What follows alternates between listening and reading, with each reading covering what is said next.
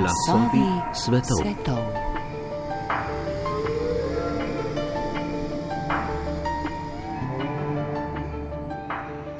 Kaj danes damo na svoj krožnik, je v luči globalnih podnebnih sprememb postalo del zelo zapletene zgodbe z vrsto daljnosežnih posledic. Spektr človeških dejavnosti, povezanih s pridelavo hrane, njenim transportom, predelavo, prodajo, pripravo in konec koncev tudi z odpadno hrano, dejavnosti torej, ki tvorijo tako imenovani prehranski sistem, prispeva kar tretjino antropogenih izpustov toplogrednih plinov.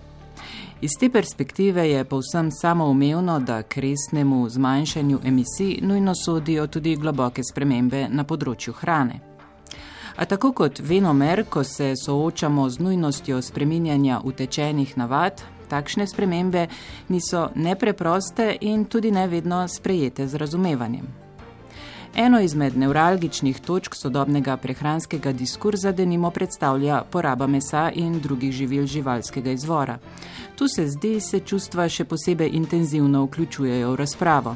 Seveda ne povsem brez razloga. Skozi večji del zgodovine je bila mesna prehrana skoraj izključno v domeni bogatih slojev prebivalstva. To se je v tako imenovanem razvitem svetu skozi drugo polovico 20. stoletja spremenilo. Industrijski način gojenja živali in predelave mesa je omogočil, da je meso postalo sorazmerno poceni in vedno pri roki. Naraščanje kupne moči po svetu pa je v zadnjih desetletjih vedno spremljala tudi vse intenzivnejša poraba mesa. Tako se je v zadnjih 50 letih proizvodnja mesa potrojila in je v letu 2018 znašala 341 milijonov ton. Tri četrtine kmetijskih površin je danes tako ali drugače namenjenih proizvodnji mesa. Okoljski otis sodobne proizvodnje hrane pa se seveda še zdaleč ne konča pri preštevanju količine toplogrednih izpustov. Hrana je danes dobrina, s katero se v obliki najrazličnejših izdelkov kuje precejšnje dobičke, pri tem pa se prave cene izsekavanja pragozdov in krčenja habitatov na splošno uničujočega vpliva pesticidov na številčno žuželk ter na vodne in talne ekosisteme ter vse prisotne prekomerne izrabe vode nekako nikoli ne upošteva, čeprav utegnejo biti ti dejavniki za pestrost in dolgoročno odporno življenja na planetu še celo bolj odločilni. In potem smo tu mi, posamezniki in posameznice, potrošniki in potrošnice, ki naj bi svojimi lastnimi prehranskimi izbirami tudi pomagali usmerjati prihodnje trende v kmetijstvu in prehranski industriji v bolj trajnostne vode. Pri tem pa imamo glede tega, kaj je za nas prava in ustrezna prehrana, zelo različna in včasih diametralno nasprotna mnenja. V današnjih glasovih svetov bomo skušali nasloviti nekaj ključnih vidikov te zelo kompleksne in prepletene zgodbe, katere del vendarle vsi skupaj smo. Z menoj v studiu so izredna profesorica dr. Andreja Vezovnik z Fakultete za družbene vede Univerze v Ljubljani. Lepo zdrav. Lepo zdrav sem. Živa Kavko Gobo iz Društva za sonaravni razvoj Fokus. Lepo zdrav. Ja, lepo zdrav.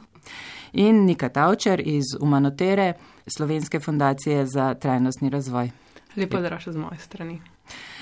Zdi se, glede na vse povedano, kot da je naša hrana danes v času podnebnih sprememb eh, postala tudi ena bolj zapletenih eh, reči. Eh, če malo karikiram, kot da na krožniku nimamo več neke konkretne jedi, ampak tudi celo usodo planeta, to pa krožnik kar precej obteži, kaj ne, živa kakva gobo. Ja, res je. V bistvu naš krožnik je sestavljen ne samo iz zgodb našega lokalnega okolja in hrane, ki je pridelana v bližini, temveč iz zgodb različnih posameznikov in skupnosti po celem svetu. Uh, vpliv ima tako na okolje, kot na usode ljudi, ki so upleteni v proizvodnjo, namreč velik del hrane, ki jo konzumiramo, ni iz bližine. Če pogledamo recimo samo samozadostnost Slovenije na področju hrane, je manjša kot 50 odstotkov. Če pogledamo samo zadostnost z vidika uh, izdelkov, ki jih pri nas ne uspevajo, kot so različne, ne vem, čokolada, kava, banane, pa je naša odvisnost 100 odstotna. Tako da ne, ne smemo zanemariti vseh teh uh, pomembnih elementov. Ne. Andreja Vezovnik, kako vi morda gledate na svoj krožnik ali naše krožnike na splošno v tej luči? Ja, kot je že živa prej rekla, v bistvu, kako si mi sestavljamo krožnike, je v veliki miri odvisno od tega, kje živimo, kakšen življenjski stil imamo, do tega, kjer, kjermu družbenemu razredu pripadamo, do tega, v, kateri, v kakšnem okolju smo bili socializirani, se pravi, kakšen je bil nek mogoče rečemo prehrambeni ali pa kulinarični background naših staršev, um, do tega, v bistvu, v kakšen vrstniški vpliv pademo potem kasneje, recimo v življenju, ko se osamosvajamo in ko nekako imamo možnost, da sami sprejemamo neke odločitve povezane z, z prehrano. No pa seveda tudi do medijskih vplivov, ki tudi niso mogoče nezanemrljivi, um, do raznih mogoče tudi kampanj, komunikacijskih vplivov, ki, ki jih v bistvu non-stop vse čas spremljamo ne, in do neke mere vsaj nekateri skušajo slediti. No. Nika Tavčer? Um, jaz bi se kar pridružila besedam mojih sogovornic, bi pa izpostavila še enkrat to, no, da spremembe sistema da so si spremembe v sistemu skrbe s hrano nujne, če želimo doseči podnebno neutralni sistem eh, oziroma podnebno neutralno družbo do leta 2050 oziroma do leta 2040, no, če sem bolj natančna.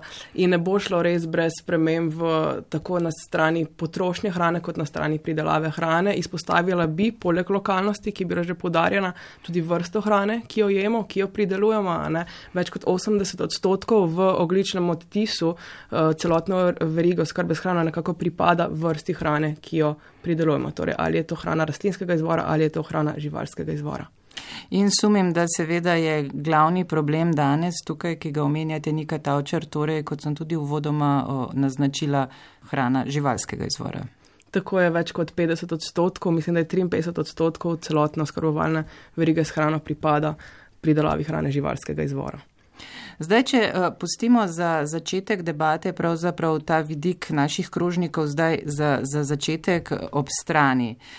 Prehranski sistem, kakršen se je pravzaprav razvil skozi zadnja desetletja, je izredno težko pregleden, bi lahko rekli. Mi pravzaprav sploh uh, večino časa ne vemo, odkot prihajajo naša živila. Seveda v zadnjih letih smo lahko videli večji povdarek tudi osveščanja na lokalni hrani, na slovenski pridelavi, ampak tudi tukaj stvari niso čisto jasne in preproste in marsikdaj seveda nas vodijo seveda tudi drugi vidiki, ko izbiramo našo hrano. Če gledamo torej globalno, kje bi rekli, uh, poleg torej same mesne proizvodnje, proizvodnje mesa, kateri se bi vrnili kasneje, so recimo danes ključni problemi. Andreja Vezovnik. Ha, mogoče bi pa odlele živa bolj vedla, se mi zdi. No? Živa kavka gobo. Jaz lahko izpostavim recimo ena problematična polščina, je recimo palmovo olje, ker je tudi najbolj zakrito, kar se tiče naše hrane. Namreč uh, V 50 odstotkih stvari, no, ki jih kupujemo v supermarketih, je palmovo olje. Obenem je pa palmovo olje krivo za na letni ravni za kar 18 krat uh, emisije Slovenije. Torej, na 18 Sloveniji bi lahko spravili uh, skupaj za samo palmovo olje. Tukaj je verjetno na delu prav izsekavanje pragozdov, ki se jih seka zato, da se sadi uh, nasade palm za palmovo olje. Ja, na tem področju so v bistvu največ izsekavanje, pa požigi, ki so v bistvu se požiga ogromno območje, zato da se lahko potem goji naprej plantaže. Pol pa imamo še vse ostale prehranske izdelke, ki potrebujejo ogromne količine nekih kemičnih dodatkov, zato da lahko sploh uspevajo. To so velike monokulturne plantaže, bodi si, da so to banane, eh, kakao, avokado, to so vse polščine, ki so zelo obremenjene. Zdaj moramo vedeti, da to ni samo področje, ki ga zasedajo in torej sekan gozd, ampak tudi vsi preparati, ki so pogosto osnovani na fosilnih uh, gorivih, na fosilnih, na nafti dejansko izhajajo. Eh, to pomeni, da je eno je to, kako je pridelana hrana, na kakšen način, koliko gozda in površine zaseda, drugo je to, koliko je izpustov posrednih, torej za vse snovi, ki so morajo biti proizvedene, zato da lahko monokulturne plantaže uspevajo. Pol pa je prevoz, ki je pa sicer manjši delež uh, izpustov toplogrednih plinov, pa vendarle je krivno. Uh, moramo pogledati tudi mogoče malo bližje, recimo polščine, ki so proizvedene jug, na južnem delu Evrope, so pogosto tudi zelo obremenjene z onesnaževali, ampak tudi za izpusti toplogrednih plinov. Uh, ne smemo pa tukaj pozabiti tudi na človeka, ki v bistvu se to proizvaja in je ponovadi nam neviden. Zdi se, kakor da bi, torej, če bi želeli res odgovorno um, torej se prehranjevati, bi morala biti naša pravzaprav izbira prehranskih izdelkov pravzaprav zelo skromna, kar se tiče različnih polščin, po katerih bi posegali. To ni nujno. Zdaj, če se v bistvu gremo po tej piramidi, ki jo ponovadi imamo mi, uh, to pomeni najprej sezonsko, lokalno, ekološko, kar ne more biti opredeljeno tukaj iz pravične trgovine, to so neki osnovni kriteriji. Tudi kar se tiče mesne prehrane, gre za omejevanje mesa. Eh, jaz ne morem govoriti o tem, da bi bilo potrebno prepovedati, omejiti pa vendar le, tudi za zdravje konc koncev, količine mesa, ki jih konzumiramo, niso eh, koristne tako na nivoju posameznika kot na nivoju družbe. Gre za kupovanje nepredeljene hrane, recimo za konzumiranje hrane, ki jo sami pripravimo svežo. To je tudi en velik del, ki je zelo pomemben pri odtisu našega prehranjevanja. Konc koncev, če kupujemo od bližnjih pridelovalcev, kjer vemo, kako, odkot izhaja hrana, bomo verjetno tudi kupili uh, manj, manj zavrgli, ker bo bolj sveže, bomo sproti si načrtovali. Tako da ni nujno, da smo zdaj zelo omejeni. V določenih sezonah bolj, ampak lahko pa takrat izkoristimo bolj naše uh, znanje, uh, medmrežje za nove recepte in podobno. Vsekakor uh, o podnebnih spremembah in o tem, da je potrebno ukrepanje, se v zadnjih letih res govori vse več in zdi se, da se nekako v družbi nasplošno narašča zavedanje, da bo potrebno marsikaj storiti. Eh, kaj bi lahko pravzaprav rekli, kako v to zgodbo eh, pripeljati hrano oziroma naš način komuniciranja? Eh, ohrani, na kakšne načine pravzaprav se kaže po svetu pri nas, da je morda najbolj smiselno ljudi eh, nagovarjati, da razmišljajo pravzaprav o tem, kaj vse pomenijo njihove izbire, ko nekaj dajo v nakupovalno košarico. Andreja Vezovnik. Ja, meni se zdi, da mogoče v Sloveniji je res bilo že veliko no, in humanitera in fokus, mislim, da je izjemno dobro in pogosto komunicirate o tem problemu, um, se pa to žal ne odraža v nekih podatkih. Tako da, če pogledamo zadnjo raziskavo Eurobarometer, uh, narejeno lani, ko so v bistvu vse evropske države na reprezentativnem vzorcu spraševali, posredno no, o impaktu oziroma vplivu njihovega načina prehranjevanja recimo na okolje, je zaznati, da v bistvu ta povezava v zavesti evropejcev še ni dovolj dobro izpostavljena. Predvsem pa je tukaj Slovenija še vedno nekako caplja za temi, bom rekla, razvitejšimi, razvitejšimi no, zahodnejšimi mogoče državami. No. Tudi tukaj je sigurno še en manevrski prostor.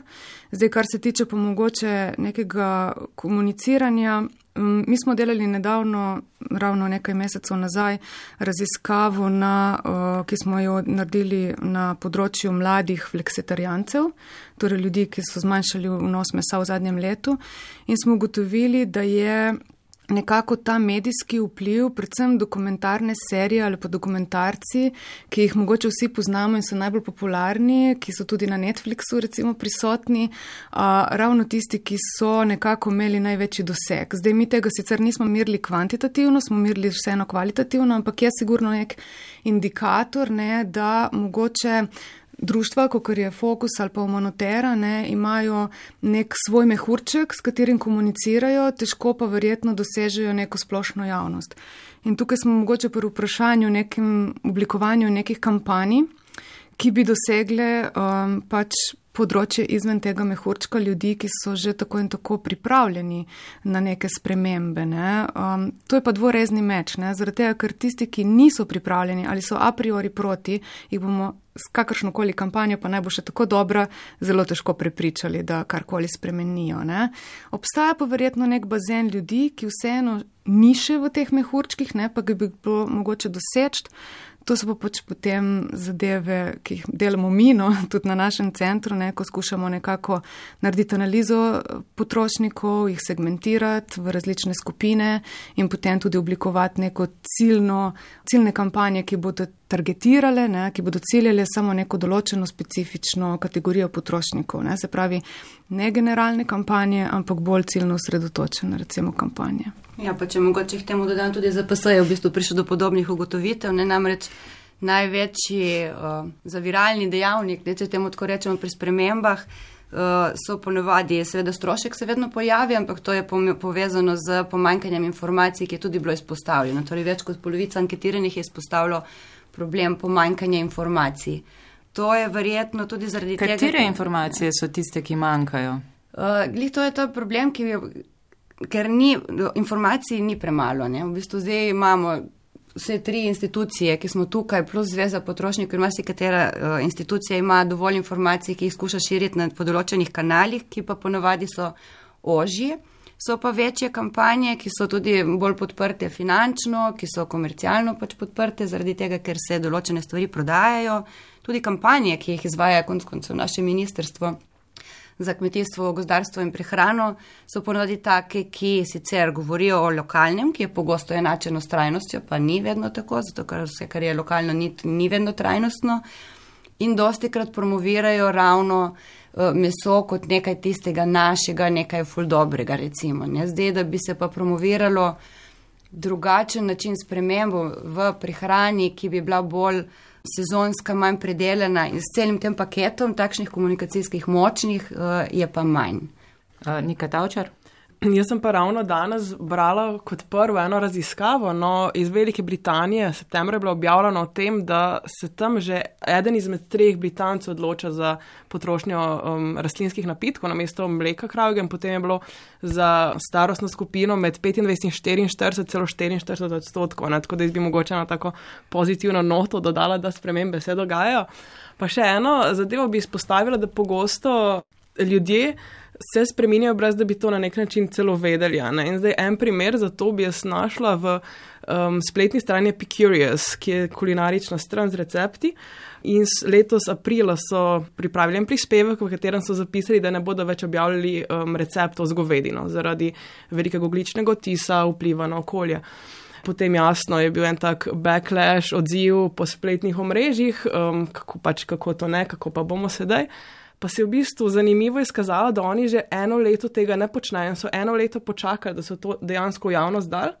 In v tem letu se ni, um, se ni zmanjšal obisk strani, enostavno na mesto uh, govedino oziroma receptov z govedino so na trenutkih, ko so želeli pač nek burger promovirati, so rastlinsko alternativo promovirali.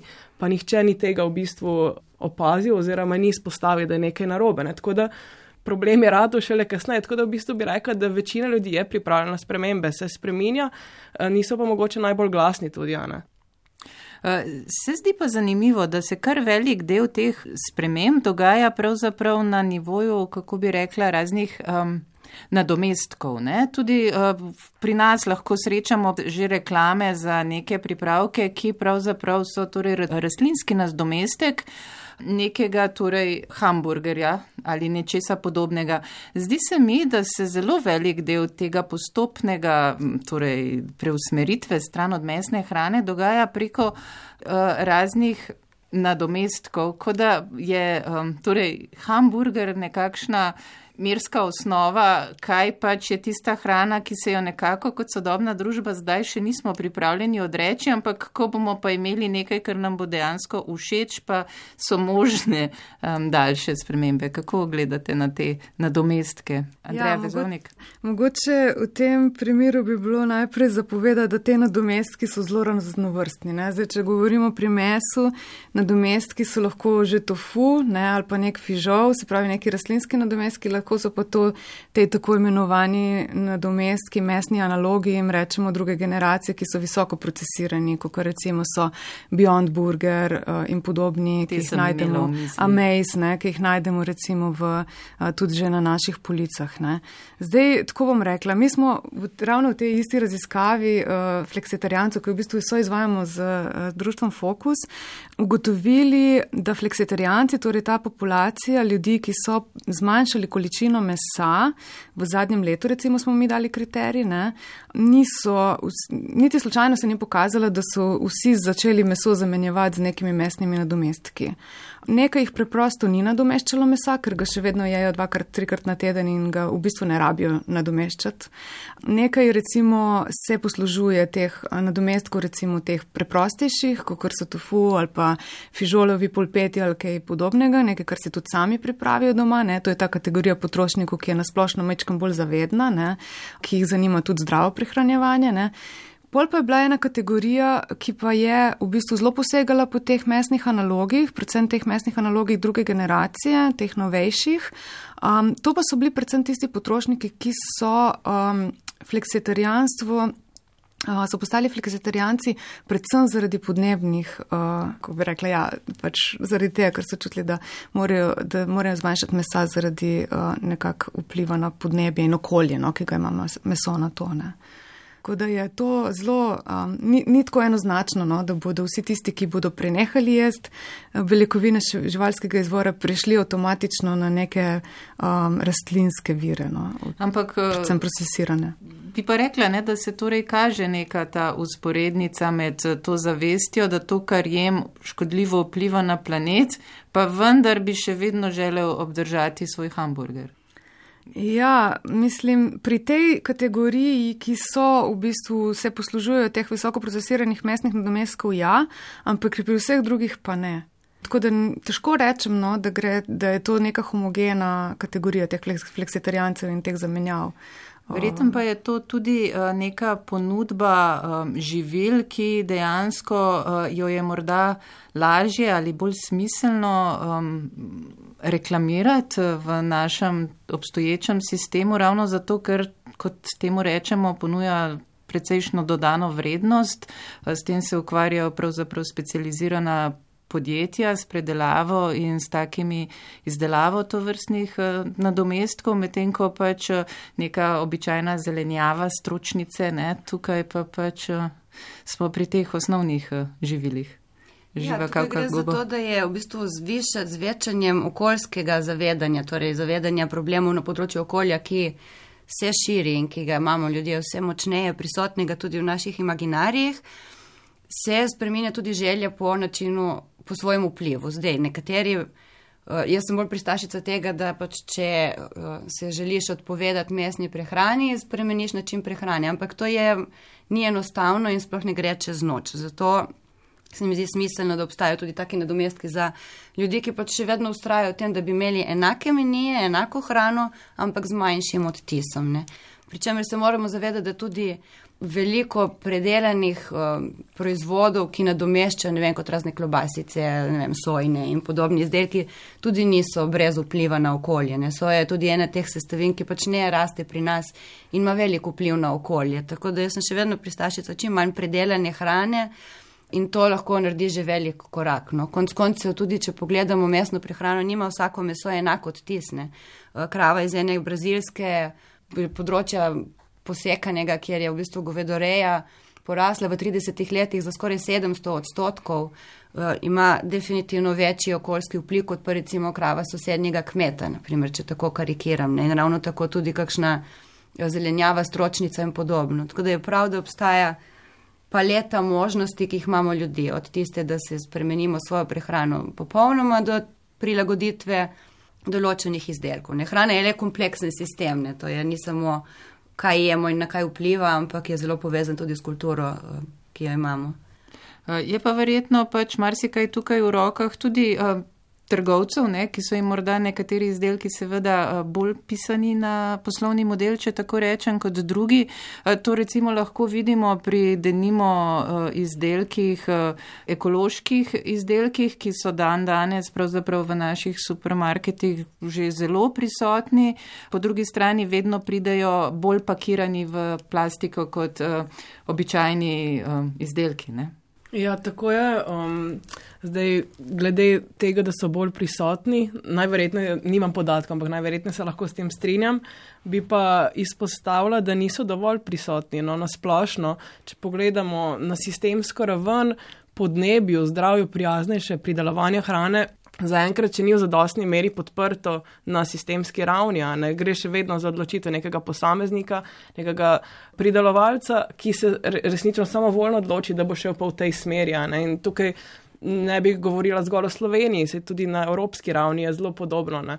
Nekaj tedna nazaj sem se ravno pogovarjala z enim predstavnikom ene nemške nevladne organizacije, ki se ukvarjajo ravno s tem, da spodbujajo udejanjanje nekako kmetijstva, ki je regenerativno, torej ki je okolju prijaznejše, torej ki gradi kakovost tal voda, ne, bi, gradi biotsko raznovrstnost. In tudi on je ravno to izpostavil, da zanimanje med pridelovalci je veliko, ampak prvo kot prvo, če so o tem obveščeni, torej da sploh vedo, torej mora informacija priti do njih, no? in še vedno gre za posameznike, ki sami pridejo do njih. Torej ni um, na ravni sistema uh, kmetijskih politik no, na splošno, ni usmeritve v podnebju prijaznejšo uh, pridelavo hrane. Ja, tu lahko izpostavimo konc koncev samo. Um, dve usmeritve Evropske unije. Ne? Eno je uh, skupna kmetijska politika, drugo je od vil do vilic, ki sta v bistvu med sabo si praktično v nasprotju. No? Od uh, vil do vilic naj bi govorila o tem, da imamo okolju podnebju bolj prijazno pridelavo, medtem ko skupna kmetijska politika bolj ali manj temelji na starih modelih, tako da uh, ni enostavno plavati v teh vodah. No? Čeprav do... bi, um, se pravi, čujem, vil do vilic bi v bistvu mogla biti sebovana v skupni kmetijski politiki. Ja. Uh, to, je bil tudi, to je bila glavna ideja tudi. Uh, se pravi, če vas prav razumem, še vedno pač smo na tem, da na deklarativni ravni se veliko govori, kako bi bilo stvari potrebno vedno gledati skozi torej konkretno optiko uh, podnebnih sprememb in temu prilagajati vse naše dejavnosti. V praksi pa pač star način delovanja ima svojo ustrajnost. Ja, tako je. Sicer stvari se premikajo no, tudi na institucionalni Koliko? ravni počasi. No. Problem je, da se preveliko težo daje na nas kot potrošnika, kot tistega, ki pač je hrano in se govori, ja, ko bomo mi potrošniki zamenjali svoj način prehranjevanja, ko bomo zahtevali od pridelovalcev in prodajalcev, da nam uh, nudijo več okolju prijazne hrane, več etične hrane, bi dodala. Uh, da se bodo stvari spremenile, ampak ni dovolj. Ne? Mi kot potrošniki, kot državljani smo v bistvu en del te zgodbe. Ne? Ko se bodo spremenile politike, ki bojo usmerjale strateško tudi in z različnimi ukrepi k bolj okolju prijazni pridelavi hrane, takrat se bo nekaj spremenilo in takrat bojo tudi podjetja seveda spremenila svoje politike delovanja in prodaje zaradi tega, ker bojo morali, ker se bojo gibali v drugačnih zakonskih okvirih. Uh, kar se spreminja je recimo Letos pričakujemo dve zakonodaje na ravni Evropske eh, unije. Komisija bo dala dva predloga. En je na področju uvožene deforestacije, torej na področju izdelkov, ki jih v Evropi konzumiramo in povzročajo izsekovanje gozdov izven Evropske unije. Druga pa je na ravni celo dobavnih verik, torej kjer bi mogel okoljski odtis in odtis na človeka v celotni dobavni verigi izven Evropske unije Eh, biti spremenjen, zamejen. Uh, bomo pa še videli, koliko bo ta zakonodaja ambiciozna, ker če ne bo, potem se ne bo spremenilo veliko. No. En podatek, no, um, pa me gospa eh, Andreja me lahko popravite, če se motim, ampak uh, v bistvu so med največjimi inve, in, um, investors, Vlagatelji. Vlagatelji, hvala. Med največjimi vlagatelji v ravno ta nov sektor in teh rastlinskih nadomestkov najdemo vmes podjetja, mestna industrija na koncu, ne Tyson Foods, pač se usmerja tja, kjer je denar v bistvu v tem trenutku. Ja, to je res. V bistvu vse te večje, predvsem ameriške in pa globalne korporacije hrane, predvsem na področju mesa, no, to jaz bolj sledim, pa tudi ja, alternativ mlečnim izdelkom drži. Ja, v, v zadnje le, desetletje recimo vlagajo ne samo v mesne analoge, ampak tudi v celično vzgojeno meso, ne, torej ta um, čisto meso, clean meat rečemo, ne, um, nekako strokovno. Ja. Kar se pa tiče um, teh odgovornosti, ne, potrošnik versus politike, um, ravno ta ta raziskava lanska Eurobarometra, ne, ki je drugače tako metodološko gledano verjetno ena najboljših raziskav na populaciji Evropske unije oziroma najboljša, je pokazala, da potrošniki v bistvu prelagajo odgovornost na policymakere, torej na oblikovalce politik in pa na trgovce, medtem ko po drugi strani se dogaja ravno obratno, ne, kot je pač živa prej omenila. Ne. Se pravi, gre za gre za prelaganje odgovornosti drug na drugega, ne, kdo bo tisti, ki bo iniciral ne vem, neke boljše prehranske prakse v smislu okolja in tako naprej ne, in trajnosti. In tudi v bistvu, če gledamo raziskave ki, ne, eh, ki govorijo o projekcijah prehranskega sistema v prihodnosti, ne, zgolj s tehnološkimi nekimi kozmetičnimi popravki v smislu boljšega skladiščenja oziroma boljšega ravnanja z gnojem, eh, zmanjšanja enterične fermentacije v prebavilih prežvekovalcev, s tem ne moremo doseči podnebne neutralnosti. Nujne bodo tudi spremembe v smeri zmanjšanja porabe mesa. Ne. in mlečnih izdelkov. Tako na, na obeh straneh bodo potrebne spremembe. Ja, se to je podobno kot recimo, ko govorimo o fosilnih gorivih, ne? se je podobna zgodba. V bistvu tisti, ki so recimo velike naftne industrija, uh, vlaga tudi v obnovljive vire, ampak ne v zadostni meri, ker seveda pač so, je nafta še vedno primarni vir dohodka. Podobno se lahko dogaja tudi na področju prehrane. Gre za to, da potrebujemo spremembe, ne samo ozelenitev, če temu tako rečemo, če bomo ravnali enako, jedli enako, ampak samo na mesto mesne klobase pač eh, predelano klobaso iz neven soje, kaj dosti ne bomo dosegli, gre za malo večje spremembe, drugačne. Ali obstajajo kakšni izračuni, koliko bi pravzaprav bilo potrebno približno zmanjšati izpuste eh, tega prehranskega sektorja? Ne? Oziroma, če postavim vprašanje drugače, um, kaj bi pravzaprav na tem področju prehrane želeli uh, slišati kot izkupiček podnebnega vrha v Glasgowu letos? Anika Tavčar? No, pa če se mogoče začnem kar z odgovarjanjem na zadnje vprašanje. Ves čas, v bistvu danes tudi govorimo o tem, pač, da je svetovni sistem oskrbe s hrano resnično svetovni. Torej, govorimo o nekem globaliziranem sistemu. Uh, kar pomeni, da je potrebno tudi k reševanju te problematiki pristopiti na taki ravni, ne? torej vse države, ne pa zgolj ena ali pa zgolj ena regija. Ne? Torej, neka uskladitev, nek jasen načrt na svetovni ravni bi bil potreben v smeri um, prvo kot prvo pripoznanja, da je področje hrane ključno področje, na katerem bo potrebno ukrepati, na katerem bo potrebno sprejemati um, spremembe in jih tudi udejanjati čim prej ter tudi potem, um, da se začnejo določeni ukrepi izvajati. Ne? ne bo tega rešila zgolj ena država sama in tudi ni pravično, da zgolj ena država prevzame breme nas, ker gre resnično za soodvisnost um, različnih sistemov. Um, tako da ja, mogoče to na hitro. Ja, se o Glasgowu eh, ne, bom, ne moram nič kaj dosti reči, ker podnebnim pogajanjem, sploh iz vedika hrane, ne sledimo natančno, ker so premiki, kar se mene, moje mnenje je čisto prepočasni. Gre za dogovarjanja na dolgi rok, eh, pogajanja, kar pa je pomembno v, na podnebnih vrhovih je, da se odgovornost za ukrepanje porazdeli v smislu, da tudi države, ki so potrošnice, države, ki proizvajajo večji oglični odtis, to smo tudi mi, strinjajo in sprejmejo ukrepe in financirajo tudi, sofinancirajo tako finančno kot tudi znanjem konc koncev ukrepe tudi v drugih državah, torej v sodelovanju. Namreč ne moremo reči, da bomo mi zdaj spremenili uh, zgolj nek način delovanja v Evropi, glede na to, da smo krivi za velik del proizvodnje v tako imenovanih državah proizvajalkah ali pa državah globalnega juga ravno mi.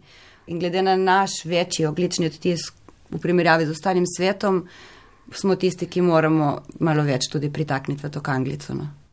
Ja, jaz bi se tle strinjala živo, nekako jaz, kar se tiče teh, bom rekla, ne vem, polisi, polisi nivoja, no, recimo, ne vem, zdaj lani, ko, pot, ko so potekali vse te neki um, dogajanja, recimo v okviru tega Green Deala, ne, se pravi Horizona, sem bila kar dost prisotna na teh mitingih in tako naprej in uh, nekako se to omejevanje, recimo, predvsem pri mesu, no, se mi zdi, da to eksplicitno izrekanje omejevanja mesa, ali pa obdavčanja mesa ali pa kaj takega, ali pa nehanja subvencionirati živirno rejo in tako naprej, to je nekaj, kar je tabu tema na evropski ravni še vedno. Tako da ni, nisem prav zelo optimistična, da bomo z. Ne. Je pa po drugi strani veliko govora o energetiki, o obnovljivih virih in tako nekaj, kar je manj tabuizirano mogoče na prvi pogled, ne, kot je recimo vnos mesa in mlečnih izdelkov, ne, ker vemo, da potrošniki se upirajo tem spremembam. No kolikšni meri pa so subvencionirane torej, um, živinoreja? Se pravi, niti večji del subvencij na evropski ravni gre v tej smeri. No, in v bistvu septembra je prišla ven tudi ena raziskava, ki je pokazala, da je več kot 80 odstotkov vseh subvencij kmetijskih na svetovni ravni, mislim, da je do leta 2015 bilo namenjenih za nekaj, oziroma je bilo usmerjenih v nekaj, kar je na koncu škodovalo zdravju ljudi um, oziroma okolju ker v bistvu, ko govorimo o subvencijah za pridelavo hrane živalskega izvora, to pomenijo tudi subvencije za pridelavo krme za živino, naprimer. In to je In to je izredno velik problem, povezan z deforestacijo, o čemer je že prej živa govorila, in je tudi potrebno to nasloviti. Ne? Na eni točki bo potrebno to nasloviti, če želimo kot človeška vrsta obstati na tem planetu, eh, doseči podnebno neutralnost um, oziroma iziti iz te ekosistemske krize, sredi katere smo se znašli. Ja, pa mogoče sem za ilustracijo, ne, ko si že omenila deforestacijo. Dosti krat si ljudje ne predstavljamo, kakšen vpliv ima naš način življenja na deforestacijo preko meja Evropske unije. Vsako sekundo zgine pač šest nogometnih igrišč gozdov. Mogoče še ena ilustracija. Vsaki dan samo za palmovo olje 670 nogometnih igrišč, samo za palmovo olje. Tako da, dajte si samo malo predstavljati, koliko je to, pa bomo videli, da dejansko je naš vpliv lahko zelo močen. No. Kako bi si pravzaprav lahko zamišljali torej neko tako pravično in do uh, podnebja, okolja, uh, ljudi po svetu? Konec koncev vemo, da so tukaj tudi hude razlike in še vedno območja, kjer dejansko ljudje trpijo za lakoto in tako rekoč ne morejo preživeti. Skratka, kako bi izgledal pravičen prehranski sistem, ki bi vendarle vsem lahko zagotovil ustrezno količino zdrave hrane?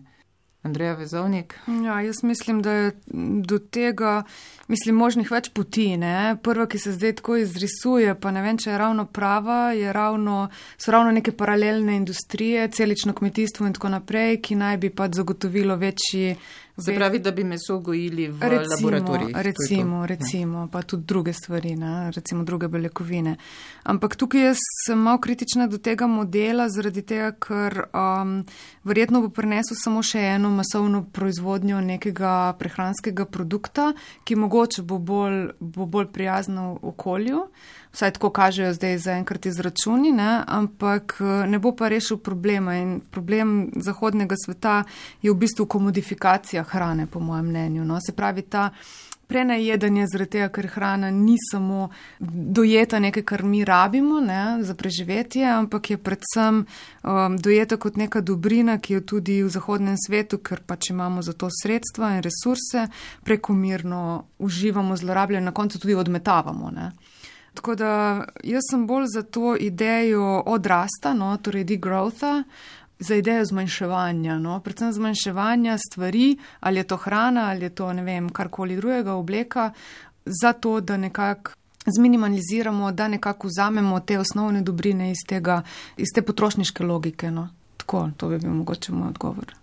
Ja, mogoče druga stvar je, prosti sem ti vzela besedo, uh, tudi decentraliziran sistem, ki ima seveda povezane enote, ne? torej pač manjše enote, ki so povezane v skupine, ki delujejo na tem globalnem trgu po nekih načeljih pravične trgovine, ki je že vzpostavljen sistem, že več kot 50, 60, 70 let, mislim, da je nastal po drugi svetovni vojni in še vedno funkcionira kjer so upoštevani različni faktori, torej da se ne škoduje okolju pri pridelavi, da se spoštuje človekove in delovske pravice v skupnostih, kjer se pridela hrana, da je manj korakov vmes, torej manj skrivanja za uh, nekimi slamnetimi podjetji, kjer se potem različne uh, scheme lahko zakrijejo in malo pogoljufa. Pri tem, kak, na kakšen način je hrana pridelana, do tega, da se enostavno podpre in vzpostavi prehranjevanje, ki temelji na sezonskosti, lokalnosti.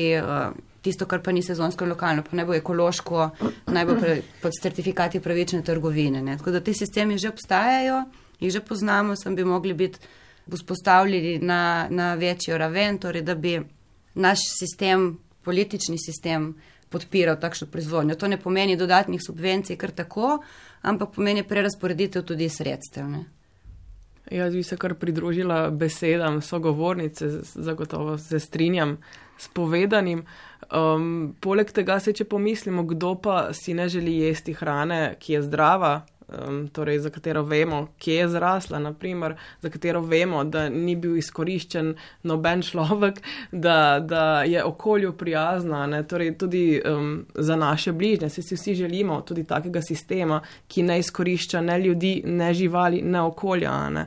In dobre prakse, ki ste jih omenjali, obstajajo po svetu, posod po svetu. Resi v Sloveniji imamo tudi en kup dobrih praks pridelave hrane, ekološkega izvora oziroma ekološke pridelave hrane. Torej, da se, ne, potrebne pa so um, jasno spodbude tudi na um, sistemski ravni v tej smeri. Ampak verjetno kar pogosto slišimo protiargumente, da pač eh, takšne količine hrane, kot je dejansko potrebna za toliko milijard ljudi, kot jih je trenutno na planetu in številka še narašča, praktično na neke eh, povsem ekološke, do ljudi in okolja prijazne načine niti ni mogoče zagotoviti. Kaj to pomeni, da bi dejansko morali se tudi mi navaditi, da preprosto ne moramo imeti vsakega supermarketa polno založenega z izdelki? Nekaj tavčer. Um, ja, kot prvo um, bi se iz tukaj vprašala, zakaj supermarket, da se imamo lokalne pridelovalce okoli nas, ne ekološke pridelovalce, se z njimi povežemo, na ta način podpiramo tudi lokalno gospodarstvo na nek način. Uh, Kot drugo pa um, prej bilo tudi že omenjeno, ne, ta problem zavržene hrane. Količina hrane, ki jo pridelamo, je omejena in resnično, če je ali je bo dovolj, odvisno tudi od tega, koliko jo pojemo, koliko je zavrženo. V tem trenutku mi zavržemo absolutno prevelike količine hrane um, 6 odstotkov izpustov toplogrednih plinov na svetovni ravni iz uh, sistema oskrbe oziroma z verigo oskrbe s hrano pripada hrani, ki je bila zavržena. Torej, tekom oskrbovalne verige je bila pokvarjena, tekom skladiščenja, uh, prevoza ali pa smo jo zavrli končni potrošniki. In tukaj so res, tukaj lahko vsak posameznik že nekaj naredi, jasno. Ne? Sej se sedaj, če dalje bolj to ozavešča, se govori o tem, se, se deluje v smeri zmanjševanja. Um, tako da bi v bistvu tudi te, um, kar ste omenjali prej, da um, ni moč nahraniti vseh ljudi na svetu, tudi v prihodnosti, ja, raziskave ne kažejo tega. Ne. Recimo, Eat Lancet Commission leta 2019 so izdali poročilo o planetarni dieti, torej prvi dieti, uh, implementacija katere bi omogočila, da. Nahranimo 10 milijard ljudi do leta 2050 in hkrati nekako ostanejo znotraj teh planetarnih meja. Torej, da se. Sedaj je vprašanje, ali um, ne če želimo tja, ampak ali bomo šli tja, ne, ker bomo morali iti v tej smeri. Revezon? Ja, se strinjam. Itlanset kot neka avtoriteta na tem področju je to že pokazala. Imamo pa številne druge eksperimentalne projekte, ki so pokazali, da ne vem, če imaš polje, recimo, ne vem, koruze in v bistvu greš na to, bom rekla, trajnostni način proizvodnje, ne, se pravi, mogoče se celo eno stopnjo več od biološkega načina pridelovanja, ne, boš pridelal ravno toliko, če ne skoraj več pridelka. Ne. Skratka, uporaba pesticidov in drugih, ne vem, recimo fertilizerjev, ne, torej pač gnojil in tako naprej umetnih in ni nujno, ni nujno nekaj, kar rabimo v pridelovalni verigi. Ne. Pa še eno stvar bi tukaj izpostavila, sem se ravno sedaj spomnila, da um, podnebne spremembe so realnost. Pač v prihodnosti bomo posledice še bolj občutili in bo potrebno prehranski sistem spremeniti tudi zaradi tega. Pač že prej smo omenjali, kako smo odvisni od drugih delov sveta, podnebne spremembe so prisotne posod, torej tudi drugot. Bodo morali spremeniti drastično način pridelave hrane, oziroma bo varnost oskrbe s hrano postala še precej bolj problematična, kot je že v tem trenutku. Ja, tako, no. ja in ne smemo pozabiti, ne, ko govorimo o podnebnih spremembah in hrani, da je to. Krožno povezano. Ne? Torej, mi z našim načinom potrošnje hrane in pridelave hrane povzročamo veliko izpustov toplogrednih plinov preveč, kar povzroča podnebne spremembe in podnebne spremembe nazaj vplivajo na način pridelave hrane, zato ker nekatere različne rastline so različno prilagodljive. In če pogledamo, recimo, dam primer kave. Kavo v bistvu večina nas jemlje kot nekaj vsakdanjega, nekaj, kar pijemo in mora biti pri nas in mora biti dostopno in poceni. V bistvu kava je rastlina, ki pri spremembi ene stopinje lahko preneha rasti. To pomeni, da zaradi segrevanja podnebja za eno stopinjo lahko ostanejo določena območja brez plantaž kave. Torej, mi ostanemo brez kave. Da... Napovedi na področju kave so zelo slabe za vse ljubitelje kave. No, ampak imamo pa še vedno genski inženiring, nekaj to lahko reši. ja, no, to je podobna debata kot recimo pri avtomobilih, ali gremo iz bencinarjev na elektriko. Ja, ne, treba bo pač manj avtomobilov in javni prevoz, tako je tudi pri prehrani. Ne moramo imeti načina prehranjevanja, ki ga imamo zdaj na enak način prehranjevanja, samo zamenjati določene stvari, ampak bomo mogli spremeniti način prehranjevanja malo globje, no? malo bolj razporediti tudi drugače. Ker ravno prej smo omenjali, koliko ljudi nima hrane, ampak tudi veliko ljudi ima preveč in je v bistvu to že zdravstveni problem v marsikateri državi. Ne? Pomeni, da hrane načeloma je dovolj.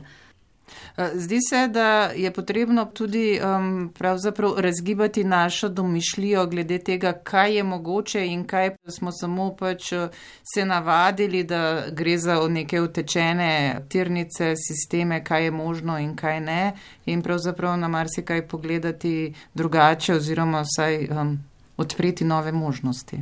Oziroma, jaz bi rekla tudi um, odločiti se, kam bomo usmerili našo pozornost. Ne? Ker en argument, ki ga jaz pogosto slišim, je, ja, pa nimamo časa, da bi šli do um, ekološke kmetije, nimamo časa, da bi šli, ne vem, do rifuzla, kjer lahko kupimo brez embalažno.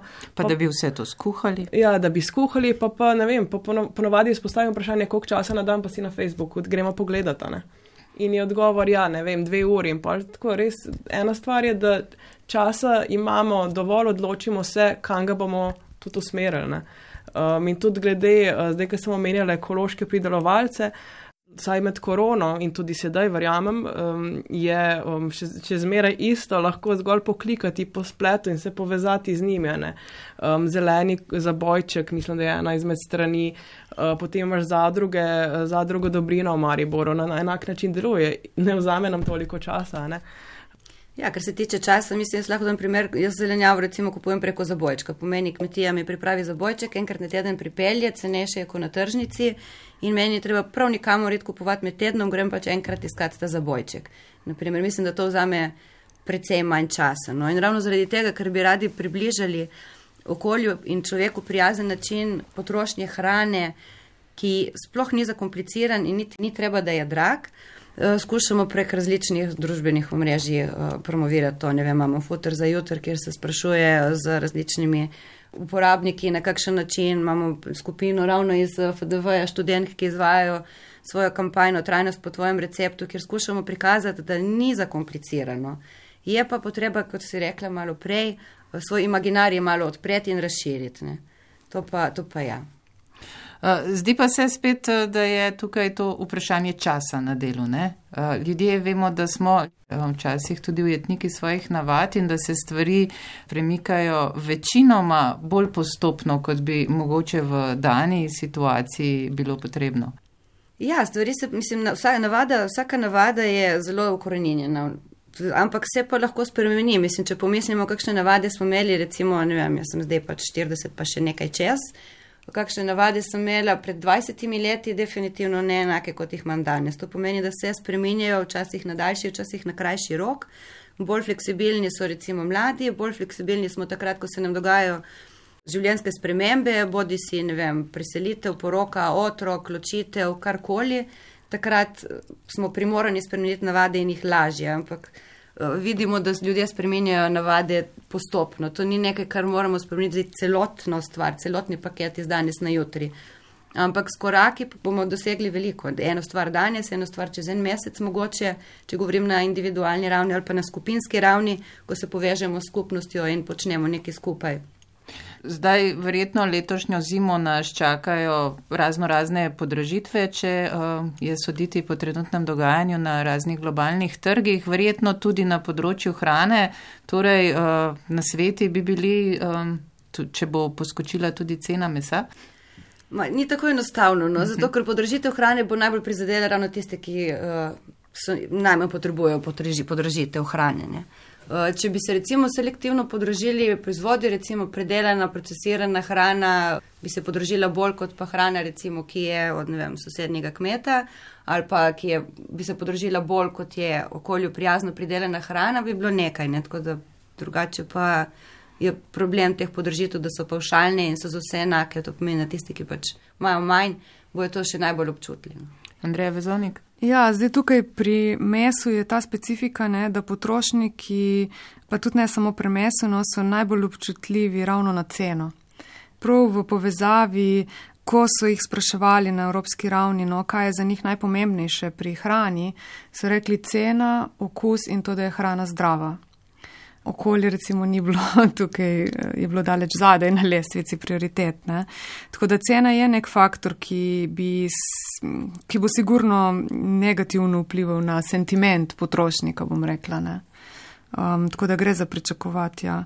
Sicer pa so že obljubili, da bo to kratkoročno. Sem slišala včeraj, da je špekulativno in ne vem, to bi mogli kakšnega agrarnega ekonomista v bistvu vprašati. Koliko časa imamo še za spreminjanje svojih navad? Torej? Časa nimamo več, ampak ne, more, ne, ne bomo pa spremenili svojih navad takoj. Ne? V bistvu smo že tam, ker bi že mogli spremembe se dogajati. Zdaj, kar se tiče podnebnih sprememb, smo že globoko zakorakali v segrevanje planeta. Spremembe so nujne takoj. Dejstvo je, da se to ne bo zgodilo, tako da izgovor, da nimamo več časa ali da je prepozno odpade, spremenjati moramo čim hitreje. Ja, jaz se strinjam s tem, no, um, če želimo res globalno segrevanje zadržati kon konkretno pod dvema stopinjama, uh, bi morali biti v bistvu podnebno neutralni, oglično neutralni do leta 2040. Torej, to pomeni, da izpusti toplogrednih plinov takrat ne bi smeli presegati zmožnosti naravnih ponorov, da jih iz ozračja odstranijo. Po letu 2050 pa v bistvu bi morali biti manjši kot zmožnosti naravnih ponorov. Zdaj, količina izpustov, ki jo lahko ponori odstranijo, um, je omejena, jasno, in hkrati se zmanjšuje ne, z deforestacijo, z izginjenjem biotske raznovrstnosti. Uh, hkrati pa vemo, da kmetijstvo oziroma pridelava hrane bo vedno povzročala določen odstotek izpustov.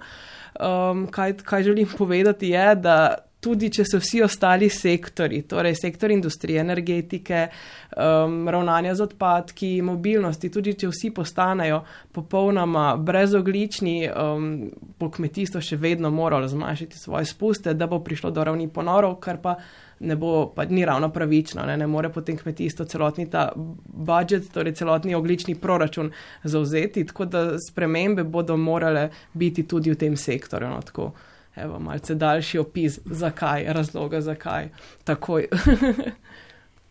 no, vsekakor upam, da bodo te spremembe vsaj čim hitrejše in potem, da se bodo dobro prijele. Hvala vsem za današnji pogovor v studiu. V današnjih glasovih svetov smo se pogovarjali o hrani v času podnebnih sprememb. Gosti v studiu so bile dr. Andreja Vezovnik z Fakultete za družbene vede, Živa Kavka Gobo z društva Fokus in Nika Tavčar z Umanotere. Pogovor sem vodila Nina Slaček, zato je skrbel Marko Krebs. Eh, glasove svetov seveda najdete tudi na spletni strani programa Ars ali na svoji podcast aplikaciji. Pa srečno. Glasovi svetov. svetov.